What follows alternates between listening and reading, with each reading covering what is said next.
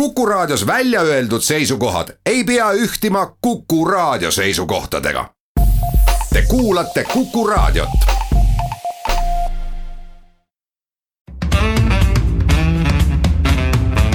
muuli ja Riikoja tere päevast, head kuulajad, kell on üksteist läbi, et on reedene päev, siis on saate Muuli ja Riikoja aeg. stuudios on Kalle Muuli ja Indrek Riikoja, viimane küll Viljandis täna. tere päevast. alustame oma saadet täna alkoholipoliitikaga, sellest eh, ühest küljest on meile teinud etteheiteid mitte ainult Eestile, vaid Baltikumile laiemalt Euroopa Komisjoni tervisevolinik. Eh, teisest küljest on meie enda alkoholitootjad välja arvutanud, kui palju jääb Eesti riigil äh, saamata maksuraha tänu kõrgetele aktsiisidele ja summad nende arvutuste järgi küündivad sadadesse miljonitesse. teiseks räägime Eesti Televisioonist, Eesti Rahvusringhäälingust, kes plaanib siis Euroopa meistrivõistlusi jalgpallis äh, näidata hiiglasuure äh, toetuse abil, mille ta on kokku leppinud Eesti Jalgpalliliiduga, jutt käib siis ligi miljonist eurost Kantar Emoril on valminud järjekordne Eesti erakondade reiting. BNS-i ja Postimehe tellimusel on seda tehtud, vaatame, millised muudatused seal on. neljandaks äh, uued keerdkäigud linnahalli renoveerimisel, ümberehitusel, nüüd siis on selgunud, et selleks on vaja Euroopast küsida riigiabi luba ja arutame saates, kas äh, üldse oleks vaja riigi ja, ja linna äh, abi sellise asja ümberehitamiseks ja viimaseks vaatame ette, pühapäeval saabub Eestisse Ameerika Ühendriikide asepresident. Äh, mida see Eesti jaoks tähendab või kas üldse see midagi Eesti jaoks tähendab? muuli ja Riikoja Euroopa Komisjoni tervishoiuvolinik Vitenis Andriukaitis, ma loodan, et ma seda nime nüüd õigesti hääldasin, tegi sellel nädalal Eestile ja ka teistele Balti riikidele etteheiteid, et meie alkoholipoliitika laiemalt äh, on pisut vildakas, seda nii ühelt poolt aktsiiside kui, kui teisest küljest ka äh, kõige muude meetmete poolest, samal ajal on äh, meie enda toiduainetööstused väga tugevalt kritiseerinud Eesti valitsust alkoholiaktsiisi tõstmise pärast ja on arvutanud välja ühtedel andmetel, et Eesti kaotab sellega üle saja seitsmekümne, teiste arvutuste järgi lausa kakssada seitsekümmend miljonit eurot. et kui me nüüd esmalt räägime sellest Euroopa Komisjoni tervisevoliniku väljaütlemisest, siis no tema nagu teatud mõttes siiski jookseb lahtisest uksest sisse, et ühest küljest loomulikult on see õige, et alkoholipoliitikaga tuleb tegeleda kompleksselt. aktsiiside küsimus on ainult üks, teine pool on alkoholi kättesaadavus, see, kuidas, milline on ennetustöö, kuidas noortele seletatakse, et nad liiga, liiga vara vägijookide pudelite poole ei vaataks. sellepärast, et kui me seda Eesti alkoholi tarbimist vaatame, siis konjunktuuriinstituut on enam kui kakskümmend aastat seda mõõtnud ja eelmisel aastal tarbis keskmine Eesti elanik või õigupoolest keskmine Eesti täiskasvanu, see on siis vanus viisteist pluss üheksa koma üheksa liitrit absoluutalkoholi. no vaieldamatu tipphetk oli kahe tuhande seitsmes aasta, kui see näitaja oli neliteist koma kaheksa ja Euroopa Liidus me oma alkoholi tarbimise näitamisega ikkagi väga selgelt platseerume keskmike sekka. meist on eespool näiteks Leedu, on Soome eespool ja paljud ka Lõuna-Euroopa riigid, kes on suured ähm, veinimaad ja tegelikult, kui me ka nagu aktsiise vaatame siis äh, ka aktsiiside seisukohast oleme me pigem nagu kõrge aktsiisiga riikide seas, noh meist eespool on Rootsi, Soome, Belgia ja noh, Soome on hea näide, kus aktsiisid on äh, kohati üle kahe korra kõrgemad, äh, aga alkoholi tarbimine sellest hoolimata on ikkagi Eestis suurem. nojah, seda äh, Leedu päritolu eurovoliniku, tervisevoliniku avaldust kindlasti tuleb vaadata selles kontekstis, et praegu just kõikides Balti riikides on äh, äge äh, debatt äh, alkoholiaktsiisi tõstmise üle. Äh, sisuliselt võiks ütelda ka, et riigi võitlus alkoholitootjatega, kes, kes püüavad näidata, et riigivalitsejad teevad riigile tohutut kahju, kui nad alkoholiaktsiisi tõstavad ja, ja sellised avaldused ja sellised paberid ei, ei sünni lihtsalt niiviisi, et eurovolinik järsku otsustab, et ta selle teeb, et siin kindlasti tuleb näha seda toetusavaldusena nende riikide valitsustele ja nende riikide vastavatele ministritele, kes võivad väga hästi olla ka selle paberi sünni juures olnud. nii et see on selline, selline ühe poole võitlus, teine, teise poole võitlus on, on kindlasti selline no minu meelest nagu natuke naljakam, et kui Toiduliit teatab, et kahju, mis riik saab, on kakssada seitsekümmend miljonit. Siis ta võiks sinna juurde lisada, et enam-vähem sama palju riik üldse alkoholiaktsiisist tulu saabki, et no ta on sinna juurde arvestanud ikkagi ka tootmise vähenemise, palkadest tulevad, muudest maksudest tulevad rahad ka, et see ja, ei ole ainult aktsiis. ja, ja et, et kui me ikkagi kujutame ette, et kuskil Põhja-Lätis, Eesti piiri ääres on kaks-kolm poekest. No poekest võib-olla natukene äh, halvustavalt öeldud, aga, aga ütleme siis alkoholipoodi. ja et need ohustavad Eesti riigieelarve laekumisi et siis peab meil ikkagi väga nõrgukene ja väga äpu riik olema, et alkoholiaktsiisid üldse moodustavad äh, Eesti riigieelarvest ainult mõne protsendi. minu mäletamist mööda oli see protsent neli, palju üldse riigieelarve äh, kulu, äh, tulusid alkoholiaktsiisist tuleb. ja, ja rääkida, et paar Läti poodi on tohutu hoop, see on naljakas, aga, aga, aga veelgi naljakam on see, kui me vaatame, mida üks ja sama alkoholitootja teeb Eestis ja Lätis oma PR töös. see on äh, Soome äh, õlletootja kontsern Olvi, äh, kellele kuulub siis Tartus A Le Coq ja, ja Lätis Cesu alus. et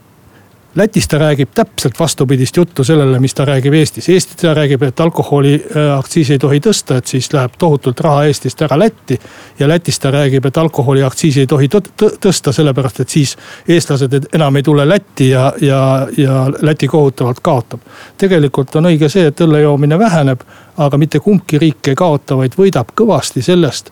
et alkoholikahjud vähenevad ja ka riigieelarvesse tegelikult need aktsiisid laekuvad, hoolimata sellest, et läbimüük on väiksem, siis ühiku pealt äh, võetakse nii palju rohkem aktsiisi, et, et ka kogutulu ikkagi riigieelarvesse äh, tuleb suurem ja, ja see piirikaubandus, millest me räägime, on tegelikult mahus kakskümmend kuni kolmkümmend miljonit eurot, juhul kui rääkida aktsiisimaksude summast no see on muidugi küsitav, kas nüüd äh, alkoholiaktsiis summa summarum pärast aktsiisitõusu, kas tema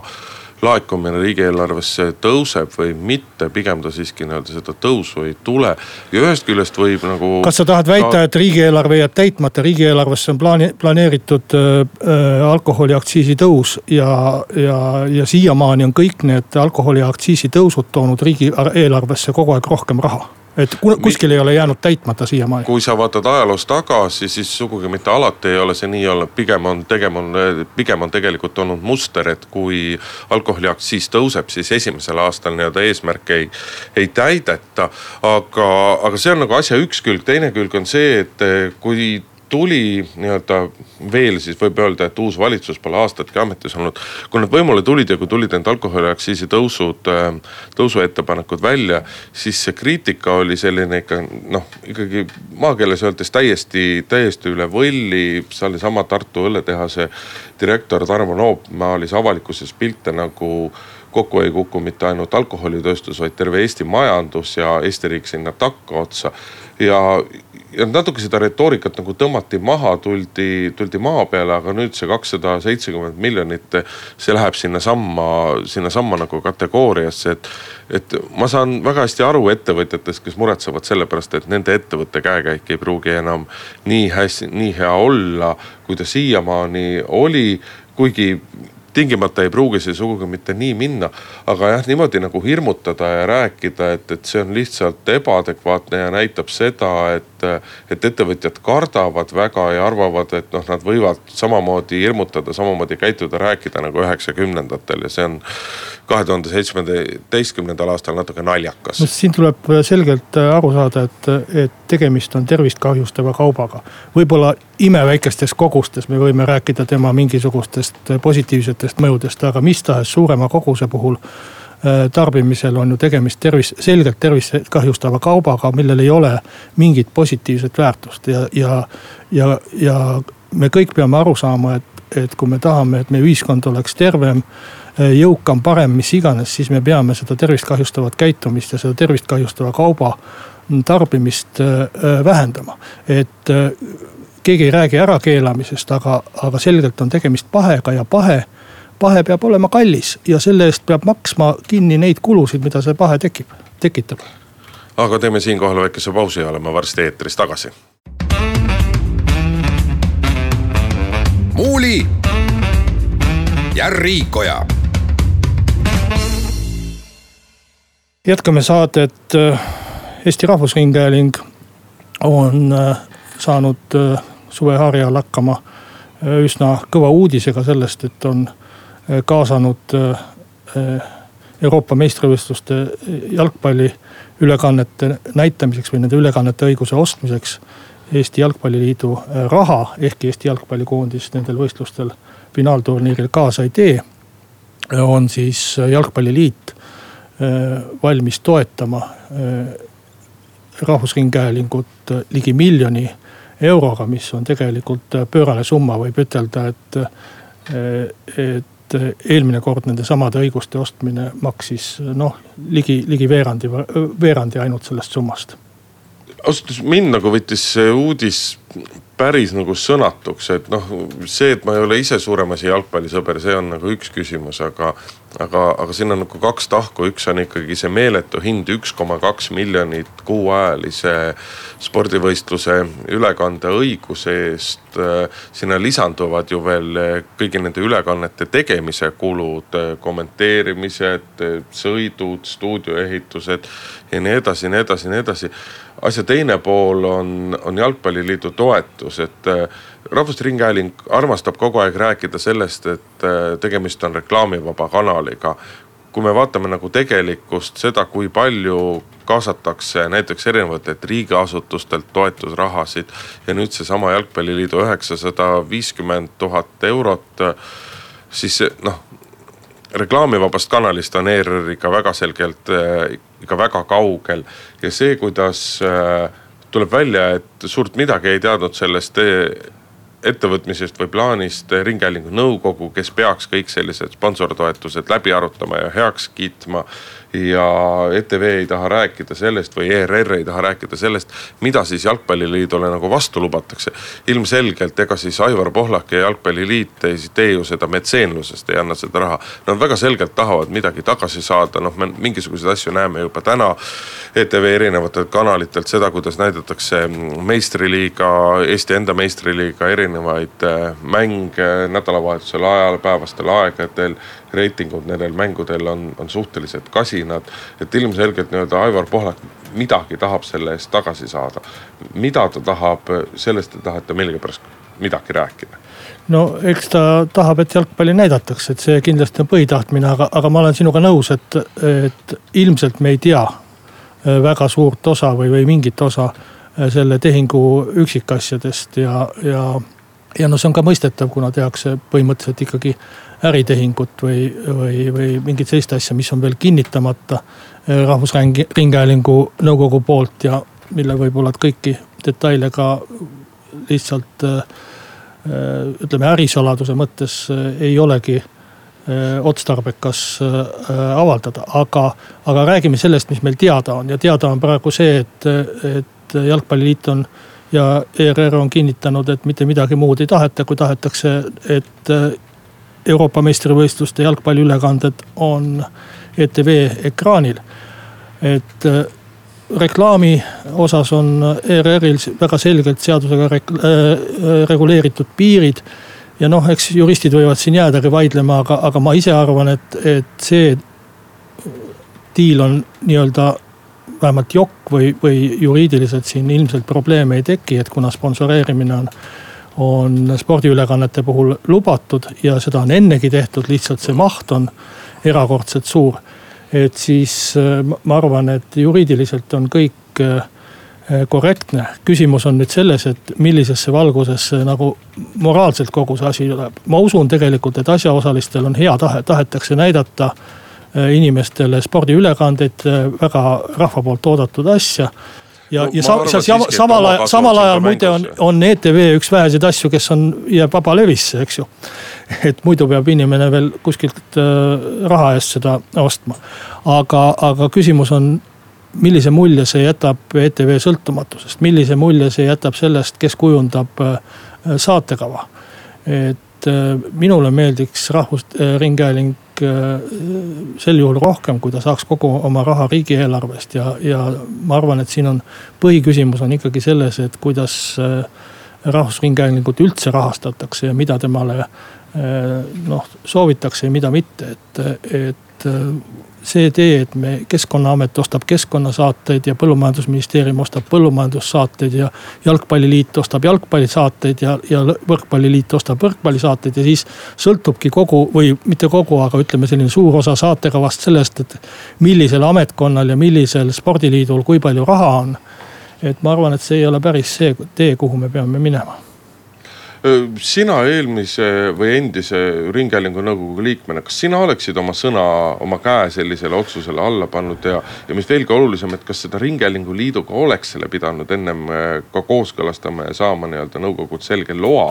sellise tehingu jaoks, et praegu siin muidugi need signaalid on vastastikused, et osad nõukogu liikmed nagu Agu Udelep või Krista Aru ütlevad, et nõukoguga sisuliselt räägitud ei ole, aga kindlasti oleks pidanud nõukogu otsuse langetama ringhäälingu nõukogu uus esimees äh, Rein Veidemann on samas ütelnud, et kõik on nagu korras ja juhatus on käitunud nii nagu peab. mida sellest asjast arvata? Äh, mina olin Ringhäälingu nõukogu liige ajal, kui oli teine juhatus ja erinevatel juhatustel võib ka erinev praktika olla. selge see, et Ringhäälingu nõukogu peab selle kinnitama ja see kindlasti ta nõukogule ka kinnitamiseks antakse mina väidaksin seda, et, et vähemalt sel ajal, kui mina nõukogu liige olin, oleks juhatus toonud selle ka eelnevalt kooskõlastamiseks äh, nõukogu ette ja, ja küsinud, äh, mida nõukogu arvab, et kas üldse nii võiks teha. et mitmel puhul selline praktika oli, aga see ei ole äh, juhatuse kohustus eelnevat aktsepti küsida lihtsalt, et asjad paremini sujuksid ja usaldus oleks suurem nõukogu ja juhatuse vahel, siis juhatus tegi mitut puhku, ma mäletan mingite Narva investeeringutega, kui seda stuudiot eh, rajati, oli, oli pikalt eelnevaid küsimisi et, et ma arvan, et ka selles mõttes juhatus ei ole otseselt mingit seadust või reeglit rikkunud ja, ja kindlasti nõukogu saab oma sõna ütelda. mida ma teeksin, ma ütleksin sulle Indrek niiviisi ja, ja see tundub selline poliitiku keerutav vastus olevat, aga, aga ma ütleksin sulle ausalt, et eh, kui ma teaksin ainult nii palju, nagu ma praegu tean, siis loomulikult ma ei saaks selle poolt hääletada. aga ma tutvuksin põhjalikult selle, selle lepinguga, vaataksin, kuulaksin ära juhatuse selgitused ja kaaluksin, et, et praeguse info põhjalt äh, mina ei saaks seda otsustada üks koma kaks miljonit on vaieldamatult kõige suurem summa, mis Eestis on spordiülekannete õiguse eest makstud, et eh, siin oleks huvitav teada, kui palju oleksid valmis olnud maksma Eesti meedia ehk siis Kanal kahes ja, ja tema sõsarkanalites näitamiseks või TV3. et kindlasti mitte sellist summat, sest et eh, nii-öelda reklaamiturult kuu ajaga sellist summat kätte ei saa, aga teeme siinkohal väikese pausi, kuulame pooltunni uudised ära ja oleme siis eetris tagasi. muuli ja Riikoja. Läheme oma saatega edasi, stuudios on jätkuvalt Kalle Muuli ja Hindrek Riikoja, viimane täna Viljandis värsked äh, erakondade reitingud on tulnud Kantar Emorist, seda siis Postimehe ja BNS-i tellimusel ja juhtpositsioonil on Reformierakond kahekümne kuue protsendiga, teine koht on Keskerakonna päralt kakskümmend kolm protsenti. EKRE toetus on äh, selline stabiilne kuueteist protsendi juures, sotside toetus viisteist protsenti. Vabaerakond on pisut kukkunud seitsmele protsendile, ka IRL-il ei ole kiita kuus protsenti ja kõige uuem uudis on siis see, et Eestimaa Rohelised on trüginud nina veepinnale ehk viis protsenti üle valimiskünnise no viis protsenti, aga mitte, mitte viis, viie protsendi võrra üle valimiskünnis, et, et tegelikult võib ju nende küsitluse kohta või tulemuste kohta ütelda seda, et, et midagi ei ole muutunud. et kui me arvestame kahe kuni kolme protsendise, protsendipunktise küsitlusveaga, siis noh, praktiliselt kõik need vähesed nihkumised, mis on jäävad sellesse piiridesse, aga eks sümboli väärtus muidugi sellel valimiskünnisel viieprotsendilisel ole, aga noh, ta on põhimõtteliselt samasugune äh, uudis kui see, et äh, mõni kuu tagasi oli, oli tohutu suured pealkirjad, et IRL langes allapoole valimiskünnist. noh, oli vist null koma kolm protsenti allpool viit, nüüd ta on kuue peal ja eks ta seal ole kogu aeg olnud ja kõikunudki. täpselt põhimõtteliselt sama lugu on ju nende rohelistega, et, et seni oli nelja peal, nüüd on noh, statistilise vea piires siis üle viie. Et ma arvan, et, et nendest protsendipunktilistest kõikumistest palju tähtsam on kohalike valimiste eel tegelikult ikkagi see, millised konkreetsed nimekirjad mingites kohtades välja tulevad, kui me räägime valimistest, kui me räägime lihtsalt üldpildina, et kes on suurem, uhkem ja ilusam, et siis, siis tõesti võib neid küsitlustulemusi vaadata, aga ma arvan, et, et, et adekvaatsema pildi lähemate valimiste eel, eriti Tallinnas saab siis, kui, kui selgub,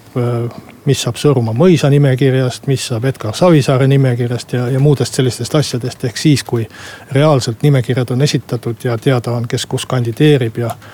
ja, ja, ja, ja kuhu võib-olla erakondade endigi liikmed on siis lõpuks jagunenud see, mis puudutab seda, et äh, kohalike omavalitsuste valimise eel selgelt saab parema pildi siis, kui äh, on nimekirjad selged, on õige. aga põnev on siiski vaadata ka nii suuremaid kui väiksemaid linnu, mis see toetus erakondadel praegu on, et äh, Tallinnas, Tartus, Pärnus, Kohtla-Järvel ja Narvas ehk siis suuremates linnades on selgelt nii-öelda esikohal Keskerakond ja Reformierakond juhib väiksemates linnades ja maa-asulates kokkuvõttes. ja noh, kui me räägime sellest IRL-ist ja tema kuuest protsendist, siis äh, tegelikult ei Tallinnas, Tartus, Pärnus, Kohtla-Järvel, Narvas äh, on äh, nina selgelt allapool veepinda, Tallinnas neli protsenti, teistes suuremates linnades on IRL-i toetus kolm protsenti. ja väiksemates linnades, seal on toetus kümme protsenti ehk nii-öelda arvestatavalt suurem, et see on omamoodi huvitav, et Reformierakonda justkui on linnainimesega ja nii edasi seotud seostatud. aga tegelikult nendes kohtades on Keskerakond selge liider ja just nimelt väiksemates linnades ja maa-asulates on Reformierakond paremal positsioonil. jah, no väga väikestes kohtades, kui sa siin räägid mingitest maa-asulatest, on selle küsitluse puhul kindlasti ka see häda juba, et. no statistiline viga loomulikult. et see valim on nii väike, et viga võib väga suureks minna ja juba mingid üksikud üksikud hälbed põhjustavad sellise noh, üldpildi muutuse, et kellelgi on ühes kohas kolm protsenti, aga teises kohas järsku mingi kümme, viisteist protsenti toetust. et seda võib-olla ei peaks äh, nii hoolikalt vaatama, aga, aga täpselt samuti ka nendes, ka nendes väiksemates kohtades, äh, nii asulates kui linnades on väga oluline see, et, et erakonnal võib olla küll äh, oma mingi kuvand on see siis IRL-i puhul kolm protsenti, neli protsenti või kuus protsenti aga reaalse tulemuse ikkagi otsustab see, et kas seesama näiteks, kui me juba IRL-ist räägime, IRL-i nimekiri läheb Tartus valimistele ühe nimekirjaga või eraldub sealt kümme inimest, kes loovad mingisuguse teise nimekirja, mis iganes vaba Tartu ta siis on. või, või, või kuidas äh, Viljandis äh, kandideerib äh, Ando Kiviberg omaette nimekirjas ja, ja ülejäänud IRL teises nimekirjas, et see kõik tegelikult lööb kogu selle noh niigi hapra küsitlustulemuse äh, lahku. et äh, üldise sellise pildi kohta ütleks ma seda, et äh, arvestades seda, kui lähedal valimised on, on, on pigem imelik see, kui vähe tegelikult on need reitingud muutunud, kui vähe on senine kampaania, noh niivõrd-kuivõrd teda olnud on on, on siis neid arvamusi mõjutanud, et ma arvan, et suurem osa sellest äh, mõjust ja kampaaniast on siiski ees, et, et me näeme praegu mingit suvist hapukurki, et inimesed ei ole veel nagu valimiskampaaniasse kaasatud jah, valimised tõepoolest on meil oktoobri keskpaigas, septembri alguseks saavad nimekirjad paika igal pool. et eks tegelikult need reitingud, mis tulevad oktoobri alguses, peegeldavad seda pilti kõige kõige paremini ja loodame, et jätkub ka uuringufirmadel sellel ajal nii-öelda tähelepanu ja võimalust vaadata rohkem ja põhjalikumalt sisse just nendesse väiksematesse kohtadesse, et seal neid vigu ei tekiks ja saaks ka mingisuguse reaalse pildi silme ette. muuli ja Riikoja. aga jätkame, võiks vist ütelda kohaliku omavalitsuse teemaga Tallinna linnahalliga, mis küll on siis äh, riigivalitsuse abil kavatsetud äh, renoveerida, jutt käib umbes sajast miljonist eurost, mis äh, selle omaaegse Vladimir Iljitš Lenini nimelise kultuuri- ja spordipalee, nii vist oli ta amet, ametlik nimetus. renoveerimiseks peaks kuluma, nüüd on siis selgunud, et päris omapäi ei saa Tallinna linn ja Eesti riik seda asja otsustada. Peab küsima Euroopast luba maksumaksja raha paigutamiseks sellisesse asutusse, et konkurentsireegleid järgida. ja noh, raske on nüüd ennustada, kas see luba saadakse või mitte, ma ei näe nagu mingisuguseid kohutavaid takistusi ega suurt ohtu Euroopa ühtsusele ja, ja Euroopa konkurentsivõimele, aga, aga isegi kui see luba äh, saadakse, jääb ikkagi küsimus, et kas seda äh, üldse on vaja sel kombel äh, teha või, või siis mis kombel seda üldse teha. selge see, et selline ahervare seal Tallinna ühes atraktiivsemas kohas mere ääres ei ole ilus ja mõistlik no eks otsus on nii või naapidi riigi käes, on tegelikult kaks võimalust riigil, kas ta ühest küljest leevendab kehtestatud muinsuskaitsenõudeid et see projekt investeerimise mõttes muutuks ka erasektorile, erakapitalile atraktiivseks. ja kui seda riik ei taha omalt poolt teha, ega siis ei olegi nii-öelda mingit muud teed, kui see asi korda teha. no Euroopa Liidu asjade puhul on alati see häda, et, et kuidas nemad neid asju vaatavad, et kas nad vaatavad ainult pabereid ja numbreid või nad katsuvad ka sisuliselt süveneda, et et kas Euroopa Liidus on arusaamine olemas sellest, et, et tänasel hetkel on tegelikult kaks võimalust, et kas see ahervare seisab seal. Euroopa Liidu ühe pealinna nii-öelda visiitkaardiks on või siis äh, riik teeb selle korda, et, et muud võimalust tänasel hetkel ei ole. aga mina muidugi Euroopa Liidu otsustusprotsessi pisutki tundes, ma ei ole sugugi kindel, et, et, et sellist süvenemistaset suudetakse saavutada. nojah eks seda erakapitali on sinna püütud ennegi kaasata ja vähemalt äh, sellisel kombel, et äh, ta on muinsuskaitsealune objekt ja temaga tegelikult midagi muud ei tohi teha, kui ainult äh, arhitektide, autorite näpunäidete järgi hoolikalt taastada. et sellisena ta ei ole leidnud ju tegelikult erahuvi ja see, see võib kõlada väga ebapopulaarselt, aga ma väga sellesse erakätesse andmisse ka ei usu, et me oleme näinud äh, asju, mida on teinud riik, suuri asju ja mida on teinud, suuri asju, mida on teinud, tehtud erarahaga. ja mul on küll selline tunne, et vähemalt Tallinna linnas ei suuda linn noh, ega see linnavalitsus ja partei ja valitsus võivad ka vahetuda, aga vähemalt siiamaani ei ole suutnud äh, asju, mis on erakätesse antud või era äh, äh äri huvides tehtud kuidagi korraldada nii, et nad ka oleksid, ütleme selliselt esteetiliselt ja, ja, ja kultuuriliselt äh, väärtuslikud, et ikka kukub välja pigem selline mingi Solaris või, või, või parimal juhul äh, metallist Saku Suurhall.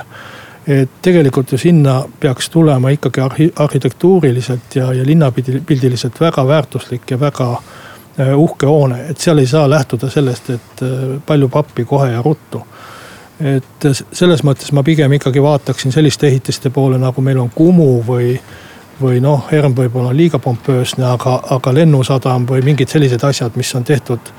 tehtud valdavalt maksumaksja või täielikult maksumaksja rahaga korda ja mis on sel, sel juhul ka noh, sellise mingisuguse väärika äh, elemendina linnapildis olemas, et, et ma arvan, et seal linnahallis on täpselt seesama asi, et me ei saa sinna teha lihtsalt ühte järjekordset kaubamaja, maja, kus äh, müüakse, ma ei tea, kas porgandeid või rinnahoidjaid või mida, mida iganes. et see peab olema ikkagi mingisugune Tallinna sümbol ja, ja ma arvan, et sinna võiks äh, maksumaksja oma raha panustada. aga teeme siinkohal veel väikese pausi, oleme siis eetris tagasi. muuli ja Riikoja pühapäeval on Eestisse saabumas Ameerika Ühendriikide asepresident Mike Pence ja eks ajakirjanduses on pisut räägitud selle visiidi sisust, aga rohkem on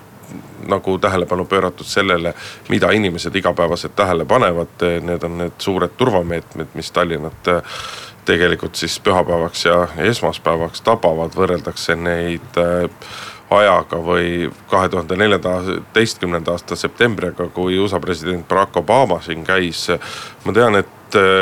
kui selle nii-öelda seda visiiti kaaluti, siis esialgu oli kaalumisel ka võimalus, et tuleb lausa Donald Trump ise Eestisse, aga see olekski võib-olla olnud nii-öelda liiga palju tahta tavalisele inimesele nagu lahti seletamist, et miks on vaja, et meil käiksid nii kõrged äh, rahvusvahelise kaliibri poliitikud. eks see on olnud alati pisut selline nii-öelda tagasihoidlikum ja räägitakse sellistest üldistest asjadest, keerulise nimedega poliitikatest ja millest kõigest veel, aga et lihtsalt ja selgelt seda öelda, sellest on nagu vajakajäänud, et Kalle, kas sina poliitikuna oskad lihtsalt seletada, miks on vaja, et Ameerika Ühendriikide asepresident külastaks Eestit? sellel on täpselt seesama põhjus, mis, mis oli Barack Obama visiidil ja, ja see põhjus on väga lihtne. rahvusvahelistes suhetes tuleb aeg-ajalt kinnitada, et kõik on endine ja et kõik on hästi. ja sellistel visiitidel põhimõtteliselt, kui nüüd ei ole tõesti mingisugust äh, kohutavat salajast lepingut kuskil sündimas, mis, mil, mil, mis on väga vähe tõenäoline. ülivähe tõenäoline, siis tegelikult on tal äh, põhimõtteliselt sümboli väärtus. Äh, meile öeldakse, et suur Ameerika kaitseb meid, nii lihtne see ongi aga, ja, ja, ja selleks ja, ja selleks, et see ütlemine väga veenev oleks, selleks Ameerika Ühendriikide asepresident või president antud juhul siis asepresident, näitab, et ta äh, kulutab selleks oma aega. ta kulutab selleks oma tööpäeva kaks või kolm. et, et jõuda siia väiksesse riiki ja ütelda, et me oleme teiega, täpselt samamoodi nagu siin on Ameerika tankid ja mis iganes. et see võib-olla tundub äh, rahvale imelik, et, et miks peab käima seda siin kohapeal ütlemas, et võiks ju võiks ju lihtsalt niisama teha aeg-ajalt pressiteateid. aga, aga mida, mida suuremal äh, Äh, või mida suurema kaliibriga poliitik ja mida, mida äh, noh, tähtsamate avaldustega ta tuleb, seda, seda suurem võiks olla nagu meie kindlus ja, ja meile püütakse ütelda, et olge rahulikud. Äh, NATO toimib. Pole vaja seda Venemaad väga karta. võib-olla naljakas või selline paradoksina tasuks ära märkida ehk seda, et samal ajal, peaaegu samal ajal oli teisel pool Soome lahte Venemaa president ja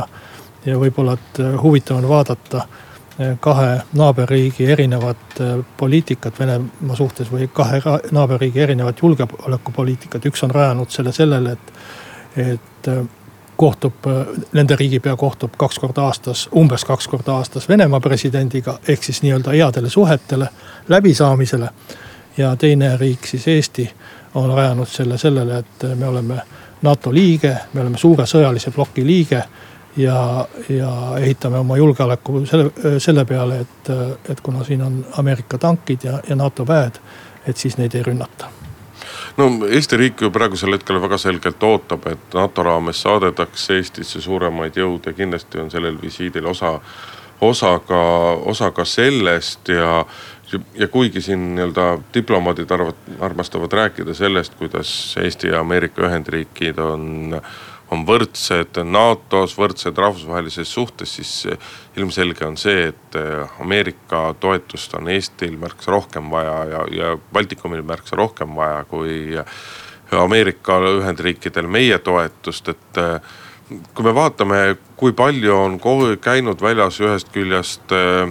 Ameerika Ühendriikide president Donald Trump ja teisest küljest Mike Pence ehk asepresident, siis tegelikult nii-öelda Eesti ja Baltikumi äh, seis, kui seda märkide keelt, mida diplomaatia suuresti on lugeda, siis see märkide keeles meie seis on nagu päris hea. meie enda president Kersti Kaljulaid on kohtunud varem vähem kui aasta on ju ametis olnud Ameerika nii president kui asepresident. kohtunud mitu korda et, et Eestile on nagu päris palju tähelepanu pööratud,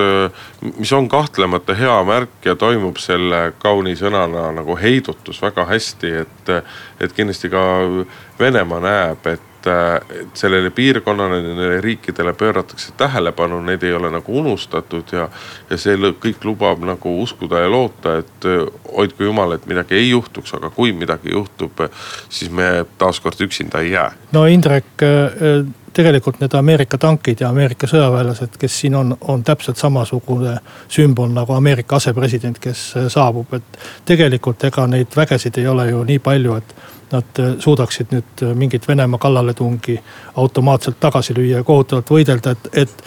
see on, see on tegelikult hea võrdlus, et ega Ameerika asepresident on samasugune tank nagu, nagu nad Tapal on. Aga vaata need sõjaväelased, nad saavad siin vähemalt harjutada, neil on siin olemisest mingi kasu ikkagi. Pence, kas ta käib siin või ei käi, et temal isiklikult ei ole väga suurt vahet. aga mida ma küll võib-olla tahaks raadioeetri kaudu ütelda, et meil pole mõtet hakata jälle eeloleval pühapäeval äh, õudselt halisema selle üle, et kuskil on mingid betoontõkked, kuskil on mingid liiklusummikud uskuge mind, eh, see on hulga parem, kui Toompeal oleksid eh, suured eh, kivitõkked Vene tankide vastu ja, ja hulga parem, kui, kui, kui okastraadid ja tankitõkked kuskil idapiiril, et, et sellised, sellised asjad on loomulikud iga kõrgelt tasemel rahvusvaheliselt suhtleva riigi pealinnas, et aeg-ajalt toimuvad mingisugused sellised visiidid, mis mõne peatänava elu halvavad ja aeg-ajalt äh, juhtub asju, mis võib-olla ka linnarahva elu natukene häirib, et ei maksa selle pärast äh, kohe hirmsasti kisama hakata, oi, mis nüüd on Ameerika asepresident, et nüüd me kaks tundi ei saa äh, autoga sõita. mis on kahtlemata selle visiidi juures nagu hea, on see, et see tegelikult näitab Eesti diplomaatilist võimekust ja diplomaatilist suutlikkust selles mõttes väga hästi, et meil on käimas Euroopa Liidu eesistumine, suur osa riigi ressursse nii inimjõus kui rahas on suunatud praegusel hetkel sinna. Samamoodi see on politseile ülisuureks töökoormuseks, aga kõigest sellest hoolimata me suudame ka nagu sellise, sellise, sellise visiidi välja kanda, selle vastu võtta visiidi ajal tagab ju ainuüksi politseinikke on, on üle kuuesaja, kes on selle visiidi turvalisuse tagamisega seotud, lisaks veel noh, väikest mõõtu armee korrakaitsjatest, kes Ameerika Ühendriikidest tuleb. et Eesti riik kõige sellega nagu hakkama saab, see on, see on sihuke väga positiivne asi. no teine positiivne asi on see, et kõik need jutud Donald Trumpi eh, poliitikast, mis, eh, millega hirmutati muuhulgas ka Eestit, et kuidas ta kõik NATO ära lammutab ja, ja, ja, ja kuidas kõik venelased teda hirmsasti võimule ootavad, et. Nendest, nendest aegadest on ju kõigest pool aastat möödas. ja kui me vaatame nüüd, kui palju tähelepanu on Trump tegelikult pühendanud äh, Ida-Euroopale ja, ja, ja, ja Balti riikidele eraldi. saates siia ka oma asepresidendi, siis ma arvan, et meil ei ole küll hoolimata noh, paljudest veidrustest, mis võivad olla uuel Ameerika presidendil, me ei ole küll põhjust vähemalt oma julgeoleku pärast äh, seoses temaga muretseda. pigem on minu meelest asi läinud äh, vähemalt Balti riikide jaoks ja Ida-Euroopa jaoks hoopis paremaks no Kröömike, sa siin muidugi lähed libedale teele, sest et kui me vaatame, vaatame seda, et kes Ameerika Ühendriikides on tegelenud rahvusvahelise poliitikaga, eelkõige sellel teemal sõna võtnud ja. ja nii edasi, siis seda eelkõige on just nimelt teinud asepresident, on teinud administratsioon, on teinud erinevad ministrid, et see, mida Donald Trump päris täpselt kõigest arvab, et ega see lõpuni selge jätkuvalt ei ole ja tema nii-öelda ilmselgelt oma fookuse pööranud Ameerika Ühendriikide sisepoliitikale, mitte nii väga välispoliitikale ja, ja, ja tegeleb, tegeleb nende asjadega ja, ja nii-öelda rahvusvahelisel tasemel ta siiski on üksjagu veel mõõtmatu suurus aga siinkohal tõmbame tänasele saatele joone alla, stuudios olid Kalle Muuli ja Hindrek Riikoja, nädala pärast kohtume taas. muuli ja Riikoja